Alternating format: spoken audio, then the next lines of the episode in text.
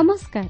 ଆରମ୍ଭ କରୁଛୁ ଆମର ବାଇବଲ ଅଧ୍ୟୟନର କାର୍ଯ୍ୟକ୍ରମ ପଥ ପ୍ରଦର୍ଶିକା। ପବିତ୍ର ବାଇବଲ କହେ କାରଣ ପାପର ବେତନ ମୃତ୍ୟୁ କିନ୍ତୁ ଈଶ୍ୱରଙ୍କ ଅନୁଗ୍ରହ ଦାନ ଆମ୍ଭମାନଙ୍କର ପ୍ରଭୁ ଖ୍ରୀଷ୍ଟ ଯୀଶୁଙ୍କ ସହଭାଗିତାରେ ଅନନ୍ତ ଜୀବନ ଅଟେ। ଆସନ୍ତୁ ସେହି ମୃତ୍ୟୁର ଭୟରୁ ରକ୍ଷା ପାଇ ଅନନ୍ତ ଜୀବନର ଅଧିକାରୀ ହେବା ନିମନ୍ତେ ଶୁଣିବା ବେତାର କାର୍ଯ୍ୟକ୍ରମ ପଥ ପ୍ରଦର୍ଶିକା।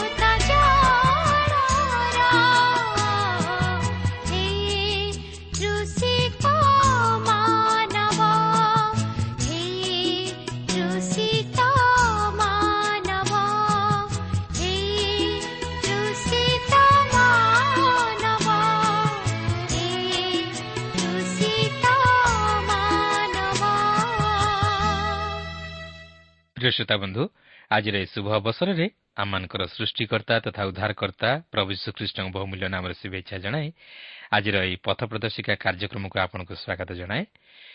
ଆପଣଙ୍କର ସହଯୋଗ ତଥା ମତାମତ ନିମନ୍ତେ ବିଶେଷ ଧନ୍ୟବାଦ। ଆପଣ ଏହି କାର୍ଯ୍ୟକ୍ରମ ନିୟମିତ ଶୁଣିବା ସଙ୍ଗେ ସଙ୍ଗେ ଅନ୍ୟମାନଙ୍କୁ ଶୁଣିବା ନିମନ୍ତେ ଉତ୍ସାହିତ କରୁଥିବାର ଜାଣି ଆମେ ମଧ୍ୟ ବିଶେଷ ଖୁସି ଏବଂ ଆପଣଙ୍କ ନିକଟରେ ଧନ୍ୟବାଦ। ଯାହା ହେଉ ପ୍ରଭୁଙ୍କର ଅସୀମ ଅନୁଗ୍ରହରୁ ଆଜି ଆମମାନେ ପୁନର୍ବାର ତାହାଙ୍କର ବାକ୍ୟ ଅଧ୍ୟୟନ ତଥା ଶ୍ରବଣ କରିବା ପାଇଁ ସୁଯୋଗ ପାଇଅଛୁ ତାହେଲେ ଆସନ୍ତୁ ଆଜିର ଏହି ସୁଯୋଗରେ ଆମେ ପ୍ରଭୁଙ୍କର ବାକ୍ୟ ମଧ୍ୟ ଦେଇ ତାଙ୍କର ସ୍ୱର ଶୁଣିବା ପାଇଁ ଚେଷ୍ଟା କରିବା ଆଉ ସେହି ବାକ୍ୟ ଅନୁଯାୟୀ ନିଜର ଜୀବନକୁ ସମୀକ୍ଷା କରି ତଦନୁଯାୟୀ ଜୀବନଯାପନ କରିବା ପାଇଁ ପଦକ୍ଷେପ ନେବା ଆସନ୍ତୁ ପ୍ରଭୁଙ୍କର ବାକ୍ୟ ମଧ୍ୟକୁ ଯିବା ପୂର୍ବରୁ ସଂକ୍ଷେପରେ ପ୍ରାର୍ଥନା କରିବା ପବିତ୍ର ପ୍ରଭୁ ତୁମର ପବିତ୍ର ନାମର ଧନ୍ୟବାଦ କରୁଅଛୁ ଏହି ସୁନ୍ଦର ସମୟ ପାଇଁ ତୁମର ଜୀବନ୍ତ ବାକ୍ୟ ପାଇଁ ହଁ ପ୍ରଭୁ ଆମେ ଜାଣୁ ତୁମର ବାକ୍ୟ ହିଁ ଆମମାନଙ୍କ ଜୀବନ ପାଇଁ ଶକ୍ତିଦାୟକ ସାନ୍ତ୍ୱନାଦାୟକ ଭରସାଦାୟକ ବଳଦାୟକ। ପ୍ରଭୁ ତୁମର ସେ ବାକ୍ୟ ମଧ୍ୟ ଦେଇ ତୁମେ ଆମମାନଙ୍କ ସହିତ କଥା କୁହ। ତୁମର ପବିତ୍ର ଉପସ୍ଥିତି ଆମମାନଙ୍କୁ ଉପଲବ୍ଧି କରିବା ପାଇଁ ଦିଅ। ଆଉ ସେହି ବାକ୍ୟ ଅନୁଯାୟୀ ଯେପରି ଆମେ ତୁମଠାରେ ବିଶ୍ୱାସ କରି ତୁମ ପଛରେ ଚାଲିବାକୁ ପାରିବୁ ସେଥିପାଇଁ ଆମମାନଙ୍କୁ ପ୍ରଭୁ ତୁମେ ଆମମାନଙ୍କୁ ତୁମରି ପଥରେ କଢ଼ାଇ ନିଅ। ପ୍ରତ୍ୟେକ ଶ୍ରୋତାବନ୍ଧୁମାନଙ୍କୁ ତୁମେ ଆଶୀର୍ବାଦ କର। ଯୀଶୁଙ୍କ ନାମରେ ମାଗୁଅଛୁ ଆମେନ୍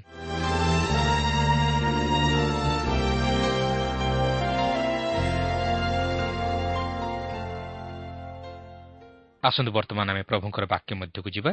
ଆଜି ଆମେ ପ୍ରେରିତ ଚବିଶ ପର୍ବର ତାର ପ୍ରଥମ ପଦରୁ ଆରମ୍ଭ କରି ତେଇଶ ପଦ ପର୍ଯ୍ୟନ୍ତ ଅଧ୍ୟୟନ କରିବା ନିମନ୍ତେ ଯିବା।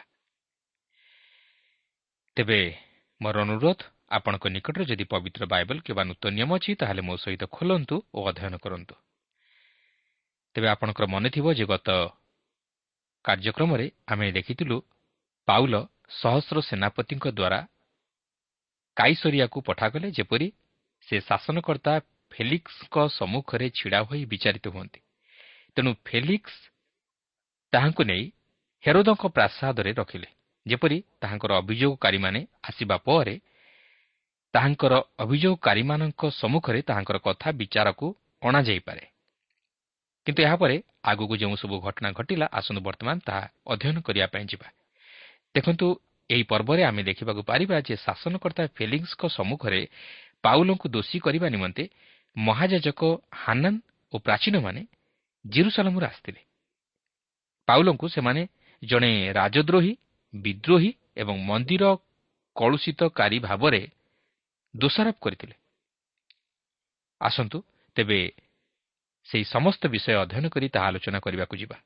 ଦେଖନ୍ତୁ ଚବିଶ ପର୍ବର ପ୍ରଥମ ପଦରେ ଏହିପରି ଲେଖା ଅଛି ପାଞ୍ଚ ଦିନ ପରେ ହାନନ୍ ମହାଯାଜକ କେତେକ ପ୍ରାଚୀନ ଓ ତର୍ତୁଲ ନାମକ ଜଣେ ଓକିଲଙ୍କ ସାଙ୍ଗରେ ଆସିଲେ ଆଉ ସେମାନେ ପାଉଲଙ୍କ ବିରୁଦ୍ଧରେ ଶାସନକର୍ତ୍ତାଙ୍କ ନିକଟରେ ଆବେଦନ କଲେ। ଏହି ଅଭିଯୋଗକାରୀମାନେ ବିଳମ୍ବ ନ କରି ସମ୍ବାଦ ପାଇବାର ପାଞ୍ଚ ଦିନ ପରେ ପାଉଲଙ୍କ ବିରୁଦ୍ଧରେ ଅଭିଯୋଗ କରିବା ନିମନ୍ତେ ଜିରୁସାଲମରୁ କାଇସରିଆକୁ ଆସିଲେ। ସେମାନେ ସେମାନଙ୍କ ସହିତରେ ତର୍ତୁଲ ନାମକ ଜଣେ ଓକିଲଙ୍କୁ ମଧ୍ୟ ଆଣିଥିଲେ। ଯେପରି ସେମାନେ ପାଉଲଙ୍କ ବିରୁଦ୍ଧରେ ଏକ ଦୃଢ଼ ତଥା ଯୁକ୍ତିଯୁକ୍ତ ଅଭିଯୋଗ ବାଢ଼ି ତାହାଙ୍କୁ ଅପରାଧୀ ବୋଲି ସାବ୍ୟସ୍ତ କରିପାରନ୍ତି। ସେହି ତର୍ତୁଲ ଅତି ଚତୁର ଏବଂ ଏକ ପ୍ରଖ୍ୟାତ ଓକିଲ ଥିଲେ। ସେ ଅତି ବୁଦ୍ଧିମାନ ଓ ଚତୁରତାର ସହିତ ପାଉଲଙ୍କୁ ଦୋଷୀ ସାବ୍ୟସ୍ତ କରିବା ନିମନ୍ତେ ଚେଷ୍ଟା କରିଥିଲେ। ସେମାନେ ସମସ୍ତେ ମିଶି ପାଉଲଙ୍କ ବିରୁଦ୍ଧରେ ଅଭିଯୋଗ କରିଥିଲେ। ଦେଖନ୍ତୁ ଚବିଶ ପର୍ବର ଦୁଇ ଓ ତିନି ପଦରେ ଲେଖା ଅଛି ତାଙ୍କୁ ଡକାଯାଆନ୍ତେ ତର୍ତୁଲ ତାଙ୍କୁ ଅଭିଯୋଗ କରି କହିବାକୁ ଲାଗିଲେ ହେ ମହାମହିମ ଫେଲିକ୍ସ ଆପଣଙ୍କ ଦ୍ୱାରା ଆମ୍ଭେମାନେ ଯେ ମହାଶାନ୍ତି ଭୋଗ କରୁଅଛୁ ପୁଣି ଆପଣଙ୍କର ପରିଣାମ ଦର୍ଶିତାରେ ଏହି ଜାତି ନିମନ୍ତେ ନାନା ମଙ୍ଗଳ ସାଧିତ ହୋଇଅଛି ଏହା ଆମ୍ଭେମାନେ ସର୍ବତ ଭାବରେ ଓ ସର୍ବସ୍ଥାନରେ ସମ୍ପୂର୍ଣ୍ଣ କୃତଜ୍ଞତା ସହିତ ସ୍ୱୀକାର କରୁଅଛୁ। ଦେଖନ୍ତୁ ଏହି ତର୍ତୁଲ ଫେଲିକ୍ସଙ୍କ ନିକଟରେ ତାହାଙ୍କର ପ୍ରଶଂସା କରି ତାଙ୍କର ତୋଷାମଦ କରୁଅଛି। ଯେପରି ଫେଲିକ୍ସ ତାହାଙ୍କର ସପକ୍ଷରେ ରହି ପାଉଲଙ୍କ ବିରୁଦ୍ଧରେ କରାଯାଉଥିବା ଅଭିଯୋଗକୁ ସମର୍ଥନ କରନ୍ତି। ଚାରି ଓ ପାଞ୍ଚ ପଦରେ ଲେଖା ଅଛି। କିନ୍ତୁ ମୁଁ ଯେପରି ଆପଣଙ୍କର ଅଧିକ କ୍ଳାନ୍ତି ନ ଜନ୍ମାଏ ଏଥିପାଇଁ ଆପଣ ନିଜ ଦୟାଗୁଣରେ ଆମମାନଙ୍କର କେତୋଟି କଥା ଶ୍ରବଣ କରିବା ନିମନ୍ତେ ମୁଁ ଆପଣଙ୍କୁ ନିବେଦନ କରୁଅଛି। କାରଣ ଆମ୍ଭେମାନେ ଏହି ଲୋକକୁ ମହାମାରୀ ସ୍ୱରୂପ ଜଗତର ସର୍ବତ୍ର ସମସ୍ତ ଜିହୁଦୀମାନଙ୍କ ମଧ୍ୟରେ ବିଦ୍ରୋହର ପରିଚାଳକ ଓ ନାଜରିତୀୟ ଦଳର ଜଣେ ପ୍ରଧାନ ନେତା ବୋଲି ଜାଣିଅଛୁ।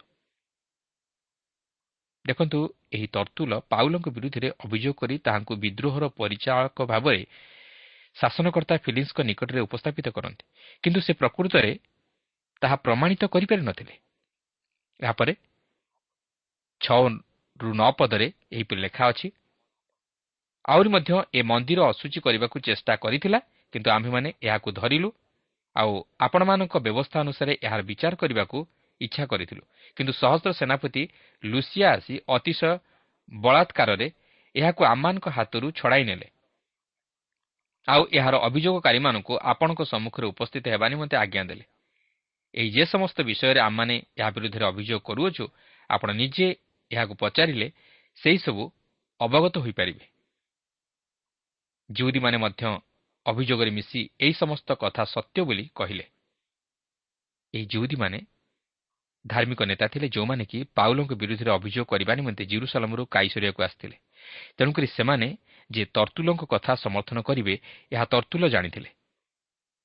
ଲକ୍ଷ୍ୟ କରନ୍ତୁ ସହସ୍ର ସେନାପତି ଯେଉଁପରି ଭାବେ ସେହି ଘଟଣାକୁ ଆୟତ କରିଥିଲେ ତର୍ତୁଲ ସେହି ବିଷୟ ପ୍ରକାଶ କରନ୍ତି। ସେ ଯଦିଓ ସହସ୍ର ସେନାପତିଙ୍କ କାର୍ଯ୍ୟ ବିଷୟ ନେଇ ତାହାଙ୍କୁ ଦାୟୀ କରିପାରିନଥିଲେ ମାତ୍ର ସେ ତାହାଙ୍କ ବିରୁଦ୍ଧରେ ଶାସନକର୍ତ୍ତାଙ୍କ ନିକଟରେ ସମାଲୋଚନାମୂଳକ ଅଭିଯୋଗ କରିଥିଲେ। ସେ କହନ୍ତି ଯେ ଯେଉଁଦୀମାନେ ଏହି ଘଟଣାକୁ ସେମାନଙ୍କ ନିଜ ଭିତରେ ବୁଝିପାରିଥାନ୍ତେ ଓ ସମାଧାନ କରିପାରିଥାନ୍ତେ ମାତ୍ର ଘଟଣାଟି ସେପରି ନଥିଲା କିନ୍ତୁ ଶାସନକର୍ତ୍ତା ଫେଲିକ୍ସଙ୍କ ନିମନ୍ତେ ଏହା ଥିଲା ତର୍ତୁଲଙ୍କର ତୋଷାମଦିଆ କାରବାର। ଯେପରି ସେ ପାଉଲଙ୍କ ବିରୁଦ୍ଧରେ ଅଭିଯୋଗ ବାଢ଼ିପାରନ୍ତି ଓ ସେହି ସହସ୍ର ସେନାପତି କ୍ଲାଉଦିଓଙ୍କ ବିରୁଦ୍ଧରେ ଏକ ରହସ୍ୟପୂର୍ଣ୍ଣ ସମାଲୋଚନାମୂଳକ ମନ୍ତବ୍ୟ ଦେଇପାରନ୍ତି ଯଦ୍ୱାରା ଫେଲିକ୍ସ ପାଉଲଙ୍କର ବା କ୍ଲାଉଦିଓଙ୍କର ମନ୍ତବ୍ୟ ଉପରେ ଗୁରୁତ୍ୱ ନ ଦେଇ ତର୍ତୁଲଙ୍କ ମନ୍ତବ୍ୟ ଉପରେ ଗୁରୁତ୍ୱ ଦିଅନ୍ତି ଓ ପାଉଲଙ୍କୁ ଦୋଷୀ ସାବ୍ୟସ୍ତ କରାନ୍ତି। ତେବେ ପାଉଲଙ୍କ ବିରୁଦ୍ଧରେ ସେମାନଙ୍କର ଅଭିଯୋଗ ଏହିପରି ଥିଲା ଯେ ପାଉଲ ଜୁହୁଦୀମାନଙ୍କ ମଧ୍ୟରେ ବିଦ୍ରୋହର ପରିଚାଳକ ଓ ନାଜରିତୀୟ ଦଳର ଜଣେ ପ୍ରଧାନ ନେତା ଓ ମନ୍ଦିର ଅସୂଚୀକାରୀ ଥିଲେ। ତର୍ତୁଲ ଜୁହୁଦୀମାନଙ୍କ ତରଫରୁ ପାଉଲଙ୍କ ବିରୁଦ୍ଧରେ ଏହି ସମସ୍ତ ଅଭିଯୋଗ କରିଥିଲେ। ତେବେ ଲକ୍ଷ୍ୟ କରନ୍ତୁ ପାଉଲ ବର୍ତ୍ତମାନ ଫେଲିକ୍ସଙ୍କ ନିକଟରେ ନିଜର ଆତ୍ମପକ୍ଷ ସମର୍ଥନ କରିବାକୁ ଯାଇ କେଉଁପରି ମନ୍ତବ୍ୟ ଦିଅନ୍ତି? ଯାହାକି ଚବିଶ ପର୍ବର ଦଶ ପଦ ଆଉ ଏଗାର ପଦରେ ଲେଖା ଅଛି। ସେଥିରେ ଶାସନକର୍ତ୍ତା କଥା କହିବା ନିମନ୍ତେ ପାଉଲଙ୍କୁ ସଂକେତ କରନ୍ତେ ସେ ଉତ୍ତର ଦେଲେ ଆପଣ ଅନେକ ବର୍ଷ ହେଲା ଏହି ଜାତିର ବିଚାରକର୍ତ୍ତା ଅଟନ୍ତି ବୋଲି ଜାଣିବାରୁ ମୁଁ ସାହସରେ ମୋହର ପକ୍ଷ ସମର୍ଥନ କରୁଅଛି। ବାର ଦିନରୁ ଅଧିକ ହେବ ନାହିଁ। ମୁଁ ଯିଏ ଉପାସନା କରିବା ନିମନ୍ତେ ଜିରୁସାଲାମକୁ ଯାଇଥିଲି ଏହା ଆପଣ ଜାଣିପାରନ୍ତି। ପାଉଲ କହୁଛନ୍ତି ଯେ ସେ ଫେଲିକ୍ସଙ୍କ ନିକଟରେ ନିଜର ଘଟଣା ପ୍ରକାଶ କରିବା ନିମନ୍ତେ ବିଶେଷ ଆନନ୍ଦ ଅନୁଭବ କରନ୍ତି। କାରଣ ସେ ଜାଣନ୍ତି ଯେ ଫେଲିକ୍ସ ଦୀର୍ଘ ଦିନ ଧରି ଲୋକମାନଙ୍କର ବିଚାର କରି ଆସୁଅଛନ୍ତି। ତେଣୁକରି ସେ ସେମାନଙ୍କର ପ୍ରଥା ଜାଣନ୍ତି। ତେଣୁ ପାଉଲ ଯାହା କହିବାକୁ ଯାଉଅଛନ୍ତି ତାହା ଫେଲିକ୍ସଙ୍କ ନିମନ୍ତେ କିଛି ଅଜଣା ନୁହେଁ ବୋଲି ପାଉଲ ମଧ୍ୟ ଜାଣନ୍ତି।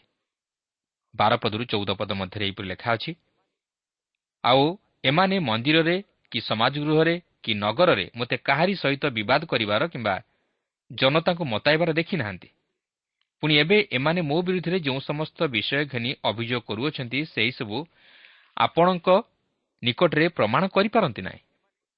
କିନ୍ତୁ ଏମାନେ ଯାହାକୁ ଗୋଟିଏ ବିଧର୍ମ ଦଳ ବୋଲି କହନ୍ତି ମୁଁ ସେହି ମାର୍ଗ ଅନୁସାରେ ଆମମାନଙ୍କ ପିତୃପୁରୁଷଙ୍କ ଈଶ୍ୱରଙ୍କର ଉପାସନା କରିଥାଏ ଯାହା ଯାହା ବ୍ୟବସ୍ଥା ଅନୁଯାୟୀ ଓ ଯାହା ଯାହା ଭାବାଦୀ ଶାସ୍ତ୍ରରେ ଲିଖିତ ଅଛି ସେହିସବୁ ମୁଁ ବିଶ୍ୱାସ କରେ। ଯେହେତୁ ଫେଲିକ୍ସ ଜିହୁଦୀମାନଙ୍କର ପ୍ରଥା ଓ ରୀତିନୀତିକୁ ସବୁ ବୁଝିପାରନ୍ତି। ତେଣୁକରି ପାଉଲ ତାହାଙ୍କୁ କହନ୍ତି ଯେ ସେ ସେମାନଙ୍କର ପ୍ରଥା ଓ ରୀତିନୀତି ଅନୁଯାୟୀ ଜେରୁସାଲାମକୁ ଯାଇ ଉପାସନା କରନ୍ତି। ସଂକ୍ଷେପରେ ସେ କହନ୍ତି ଯେ ମୁଁ ମୋର ଜାତି ସହିତ ଏକମତ। କେବଳ ମୁଁ ଏତିକି କହିପାରେ ଯେ ମୁଁ ଯେଉଁ ପରି ଭାବେ ଈଶ୍ୱରଙ୍କର ଉପାସନା କରିଥାଏ ତାହା ସେମାନଙ୍କ ଦୃଷ୍ଟିରେ ଗ୍ରହଣଯୋଗ୍ୟ ନୁହେଁ ଓ ସେମାନେ ଏହାକୁ ମିଥ୍ୟା ବୋଲି ଭାବନ୍ତି। କିନ୍ତୁ ପାଉଲ ଏହାକୁ ପରିଷ୍କାର ଭାବେ ଜଣାଇ ଦିଅନ୍ତି ଯେ ସେ ଯେଉଁପରି ଭାବେ ଈଶ୍ୱରଙ୍କୁ ଉପାସନା କରନ୍ତି ତାହା ପିତୃପୁରୁଷମାନଙ୍କ ନିକଟରେ ଦିଆଯାଇଥିବା ସମ୍ବାଦ ଅନୁଯାୟୀ ସେ ତାହା କରନ୍ତି। ତାହା ହେଉଛି ପୁରାତନ ନିୟମ। ପନ୍ଦର ପଦରେ ଲେଖା ଅଛି ପୁଣି ଧାର୍ମିକ ଅଧାର୍ମିକ ଉଭୟଙ୍କର ପୁନରୁତ୍ଥାନ ହେବ ବୋଲି ଯାହା ଏମାନେ ନିଜେ ଅପେକ୍ଷା କରନ୍ତି ମୁଁ ମଧ୍ୟ ଈଶ୍ୱରଙ୍କଠାରେ ସେହି ପ୍ରକାର ଭରସା ରଖିଅଛି ବୋଲି ଆପଣଙ୍କ ନିକଟରେ ସ୍ୱୀକାର କରୁଅଛି। ଖ୍ରୀଷ୍ଟ ବିଶ୍ୱାସୀମାନଙ୍କ ନିମନ୍ତେ ପୁନରୁତ୍ଥାନ ଯେ ଏକ ଭରସାଜନକ ଓ ମୁଖ୍ୟ ବିଷୟ ଏହା କେବେ ଲକ୍ଷ୍ୟ କରିପାରିଛନ୍ତି କି? ଏହା ଆଦ୍ୟରୁ ରହିଅଛି। ଆପଣ ଖ୍ରୀଷ୍ଟଙ୍କ ବିଷୟ ନେଇ କ'ଣ ଚିନ୍ତା କରନ୍ତି? ସେ କ'ଣ ଆପଣଙ୍କର ପାପ ନିମନ୍ତେ ମୃତ୍ୟୁବରଣ କଲେ? ସେ କ'ଣ ମୃତ୍ୟୁରୁ ପୁନରୁଦ୍ଧିତ ହେଲେ? ପାଉଲ ସଙ୍ଗେ ସଙ୍ଗେ ପୁନରୁତ୍ଥାନର ମୁଖ୍ୟ ସମ୍ବାଦ ଆଡ଼କୁ ଫେରିଆସନ୍ତି ଆଉ ତାହା ହେଉଛି ପୁନରୁତ୍ଥାନ ଯେହେତୁ ଖ୍ରୀଷ୍ଟ ଯଦି ମୃତ୍ୟୁରୁ ପୁନରୁଦ୍ଧିତ ହୋଇନଥାନ୍ତେ ତାହେଲେ ସୁଷମାଚାରର ସତ୍ୟତା କିମ୍ବା ପବିତ୍ର ବାଇବଲର ସତ୍ୟତା ପ୍ରତିପାଦିତ ହୋଇପାରିନଥାନ୍ତା କି ଖ୍ରୀଷ୍ଟ ବିଶ୍ୱାସୀମାନଙ୍କ ନିମନ୍ତେ କୌଣସି ଆଶା ଓ ଭରସା ନଥାନ୍ତା। କେବଳ ଯେ ଧାର୍ମିକମାନେ ମୃତ୍ୟୁରୁ ପୁନରୁଦ୍ଧିତ ହେବେ ତାହା ନୁହେଁ ମାତ୍ର ଅଧାର୍ମିକମାନେ ମଧ୍ୟ ପୁନରୁଦ୍ଧିତ ହେବେ କିନ୍ତୁ ଧାର୍ମିକମାନେ ଅକ୍ଷୟ ତଥା ଗୌରମୟ ଶରୀରରେ ପୁନରୁଦ୍ଧିତ ହୋଇ ଅନନ୍ତ ଜୀବନରେ ପ୍ରବେଶ କରିବେ ମାତ୍ର ଅଧାର୍ମିକମାନେ କ୍ଷୟ ଶରୀରରେ ଉତ୍ଥିତ ହୋଇ ଅନନ୍ତ ନରକରେ ପ୍ରବେଶ କରିବେ। ପାଉଲ ନିଜେ ମଧ୍ୟ ତହିଁର ଅପେକ୍ଷାରେ ରହି ଈଶ୍ୱରଙ୍କଠାରେ ଭରସା ସ୍ଥାପନ କରିଥିଲେ। ଷୋହଳ ପଦରେ ଲେଖା ଅଛି ଏହେତୁରୁ ମୁଁ ମଧ୍ୟ ନିଜେ ସର୍ବଦା ଈଶ୍ୱରଙ୍କ ଓ ମନୁଷ୍ୟର ପ୍ରତି ନିର୍ଦ୍ଦୋଷ ବିବେକ ରକ୍ଷା କରିବାକୁ ଯତ୍ନ କରୁଥାଏ।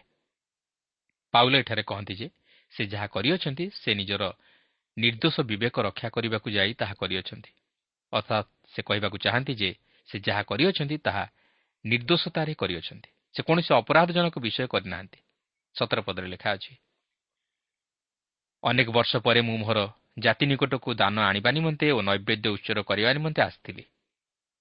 ପାଉଲ ତାଙ୍କର ତୃତୀୟ ପ୍ରଚାର ଯାତ୍ରାରେ ମଣ୍ଡଳୀମାନଙ୍କ ନିକଟରୁ ଯେଉଁ ସମସ୍ତ ଦାନ ସଂଗ୍ରହ କରିଥିଲେ ସେହି ସମସ୍ତ ଦାନ ଜିରୁସାଲମରେ ଥିବା ମଣ୍ଡଳୀ ନିକଟକୁ ଆଣିଥିଲେ ଓ ସେ ସେହି ସମସ୍ତ ଦାନ ନିଜ ହସ୍ତରେ ଆଣି ତାହା ମଣ୍ଡଳୀକୁ ଦେବା ନିମନ୍ତେ ଆସିଥିଲେ। ଏହାପରେ ଅଠର ଉଣେଇଶ ପଦରେ ଲେଖା ଅଛି ସେହି ସମୟରେ ଏମାନେ ମୋତେ ମନ୍ଦିରରେ ସୂଚୀ ହୋଇଥିବାର ଦେଖିଥିଲେ ମୁଁ କୌଣସି ଜନତା କିମ୍ବା ଗଣ୍ଡଗୋଳରେ ମିଶିନଥିଲି କିନ୍ତୁ ଆସିଆର କେତେକ ଜିହୁଦୀ ଥିଲେ ଯଦି ସେମାନଙ୍କର ମୋ ବିରୁଦ୍ଧରେ କୌଣସି କଥା ଥାଆନ୍ତା ତାହେଲେ ଆପଣଙ୍କ ସମ୍ମୁଖରେ ଉପସ୍ଥିତ ହୋଇ ଅଭିଯୋଗ କରିବା ସେମାନଙ୍କର ଉଚିତ ହୋଇଥାନ୍ତା। ଦେଖନ୍ତୁ ପ୍ରକୃତ ଦୋଷାରୋପକାରୀମାନେ ଯଦି କେହି ଥାଆନ୍ତି ତାହେଲେ ସେମାନେ ସେଠାରେ ଉପସ୍ଥିତ ନଥିଲେ। ତର୍ତୁଲଙ୍କର ଅଭିଯୋଗ ଥିଲା ଯେ ପାଉଲ ମନ୍ଦିର ମଧ୍ୟରେ ଲୋକମାନଙ୍କୁ ଉତ୍ତେଜିତ କରୁଅଛି ଓ ମନ୍ଦିର କଳୁଷିତ କରୁଅଛି କିନ୍ତୁ ପ୍ରକୃତରେ ସେପରି ନଥିଲା ତାହେଲେ ଯେଉଁ ଲୋକମାନେ ଉତ୍ତେଜିତ ହୋଇଥିଲେ ସେମାନେ କାହିଁକି ପାଉଲଙ୍କ ବିରୁଦ୍ଧରେ ସାକ୍ଷୀ ଦେଲେ ନାହିଁ?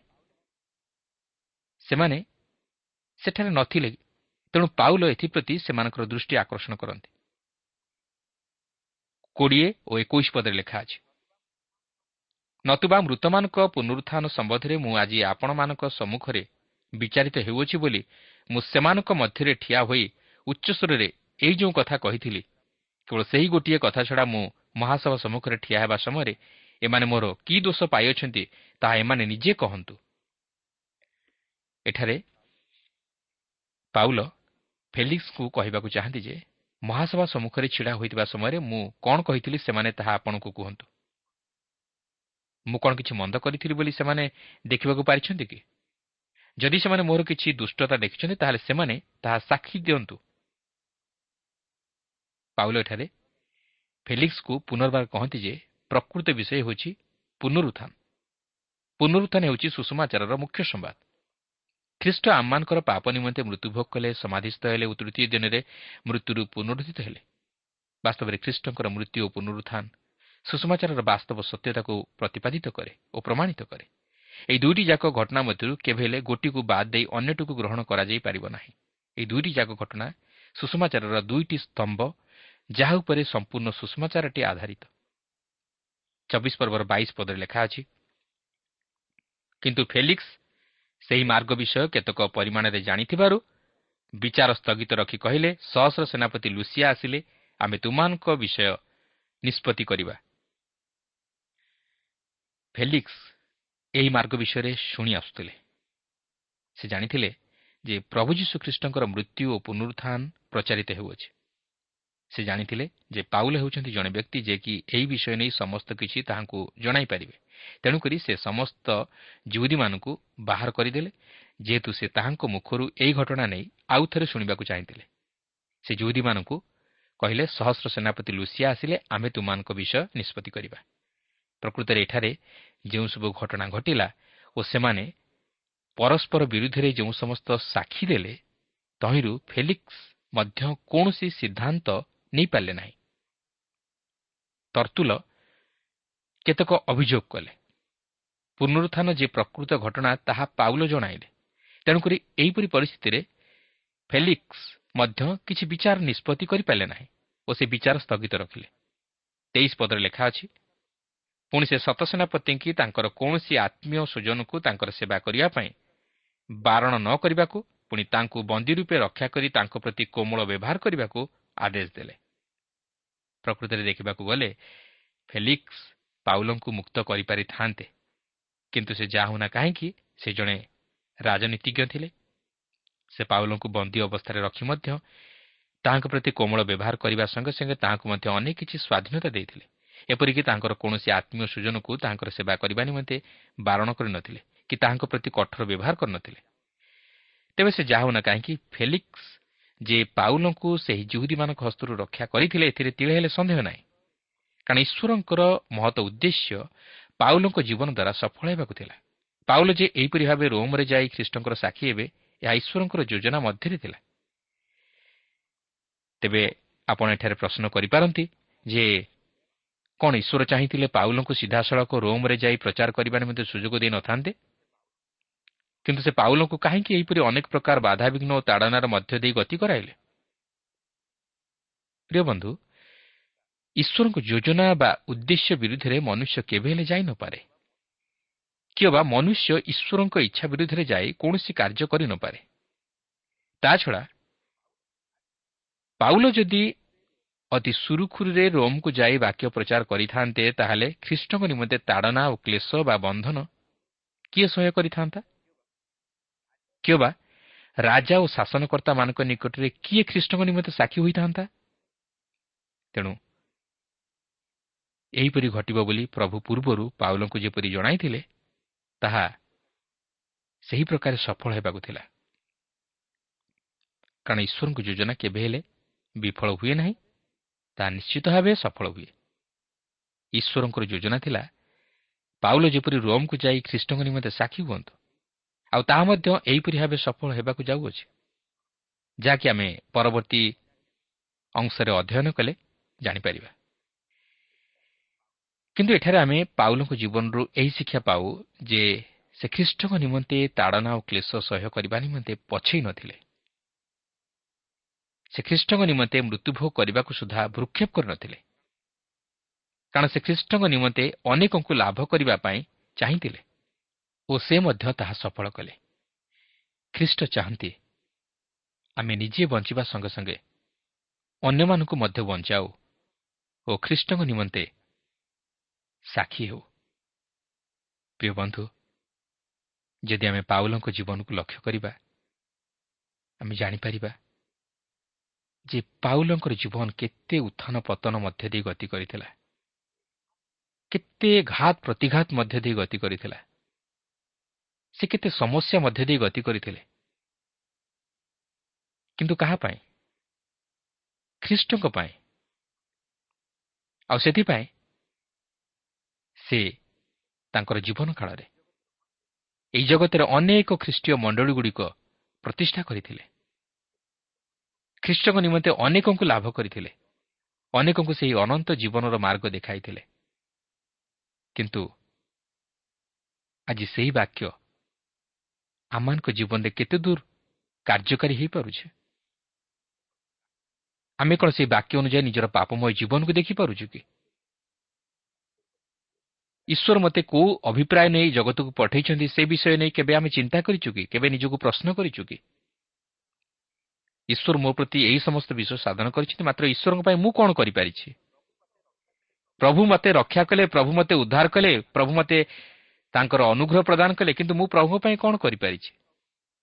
ପାଉଲ ଯେତେବେଳେ ତାଙ୍କର ଜୀବନକୁ ସେ ସମୀକ୍ଷା କଲେ ସେ ତାଙ୍କର ସେ ଜୀବନକୁ ଦେଖିଲେ ଯେ ପ୍ରକୃତରେ ପ୍ରଭୁଙ୍କର କେତେ ଅନୁଗ୍ରହ ତାହାଙ୍କ ପ୍ରତି ଥିଲା।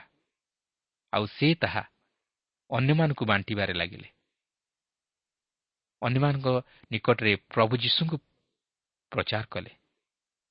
ଯେପରି ଅନ୍ୟମାନେ ଖ୍ରୀଷ୍ଟଙ୍କୁ ଜାଣି ତାହାଙ୍କୁ ଉଦ୍ଧାରକର୍ତ୍ତା ରୂପେ ଗ୍ରହଣ କରି ପାପରୁ ଉଦ୍ଧାର ପାଇ ସେହି ସ୍ୱର୍ଗୀୟ ଶାନ୍ତି ଆନନ୍ଦ ଓ ବିଭବର ଅଧିକାରୀ ହେବାକୁ ପାରନ୍ତି। ଆଜି ଖ୍ରୀଷ୍ଟଙ୍କ ନିମନ୍ତେ ଆମମାନଙ୍କର କେଉଁପରି ସାକ୍ଷମର ଜୀବନ ଅଛି? ଆଜି ଆମେ ଖ୍ରୀଷ୍ଟଙ୍କ ନିମନ୍ତେ କେଉଁପରି ସ୍ୱାର୍ଥତା କରି ଜୀବନ କାଟୁଅଛୁ? କିନ୍ତୁ ସମୟ ଥାଉଁ ଥାଉଁ ସୁଯୋଗ ଥାଉଁ ଥାଉଁ ଯଦି ଆମମାନେ ନିଜର ଜୀବନକୁ ସମୀକ୍ଷା ନ କରୁ ଈଶ୍ୱରଙ୍କର ଅଭିମତକୁ ସଫଳ ନ କରୁ ତାହେଲେ ଆମେ କେବେ ହେଲେ ଈଶ୍ୱରଙ୍କ ଠାରୁ ସେହି ସମସ୍ତ ଆଶୀର୍ବାଦ ପ୍ରାପ୍ତ ହୋଇପାରିବା ନାହିଁ। ଆମେ କେବେ ହେଲେ ଈଶ୍ୱରଙ୍କର ଅଭିମତକୁ ସଫଳ କରିପାରିବା ନାହିଁ। ତେଣୁ ଆସୁ ପାଉଲଙ୍କ ଜୀବନକୁ ଲକ୍ଷ୍ୟ କରୁ ଏବଂ ଖ୍ରୀଷ୍ଟଙ୍କୁ ଲକ୍ଷ୍ୟ କରୁ। ଖ୍ରୀଷ୍ଟଙ୍କୁ ଲକ୍ଷ୍ୟ କରି ନିଜର ଜୀବନକୁ ବଦଳାଉ ଏବଂ ପାଉଲଙ୍କୁ ଲକ୍ଷ୍ୟ କରି ଅନ୍ୟମାନଙ୍କ ନିମନ୍ତେ ସାକ୍ଷୀ ହେଉ। ତାହେଲେ ପ୍ରଭୁ ଆମମାନଙ୍କ ଜୀବନ ଦ୍ୱାରା ତାଙ୍କର ଅଭିମତ ସାଧନ କରିପାରିବେ। ପ୍ରଭୁ ପ୍ରତ୍ୟେକଙ୍କୁ ଏହି ସଂକ୍ଷିପ୍ତ ଆଲୋଚନା ମଧ୍ୟ ଦେଇ ଆଶୀର୍ବାଦ କରନ୍ତୁ।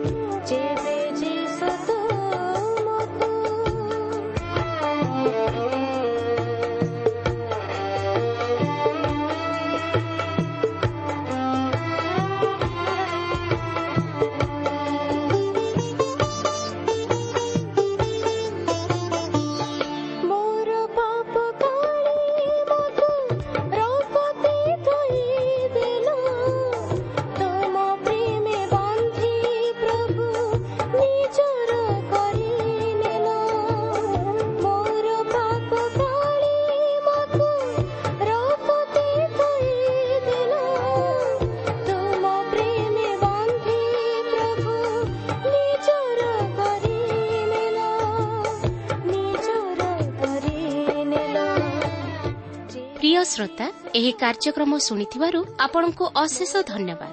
ଏହି କାର୍ଯ୍ୟକ୍ରମ ଆପଣଙ୍କୁ କିପରି ଲାଗିଲା ଓ କେଉଁ ବିଷୟଟି ଆପଣଙ୍କ ହୃଦୟକୁ ଅଧିକ ସ୍ପର୍ଶ କରିଛି ତାହା ଲେଖି ଜଣାଇଲେ ଆମେ ବିଶେଷ ଉପକୃତ ହେବୁ। ଯଦି କିଛି ପ୍ରଶ୍ନ ବା ସନ୍ଦେହ ଥାଏ ତାହା ପତ୍ର ମାଧ୍ୟମରେ ଅଥବା ଟେଲିଫୋନ୍ ଯୋଗେ ଆମକୁ ଜଣାନ୍ତୁ।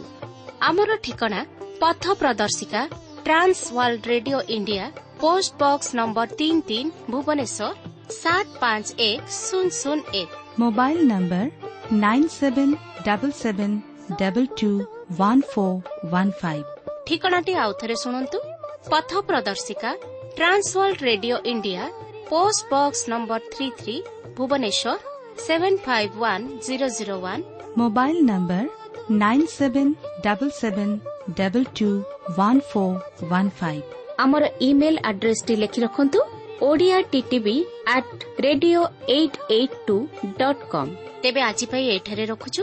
ନମସ୍କାର। ଯେବେ ଯୀଶୁ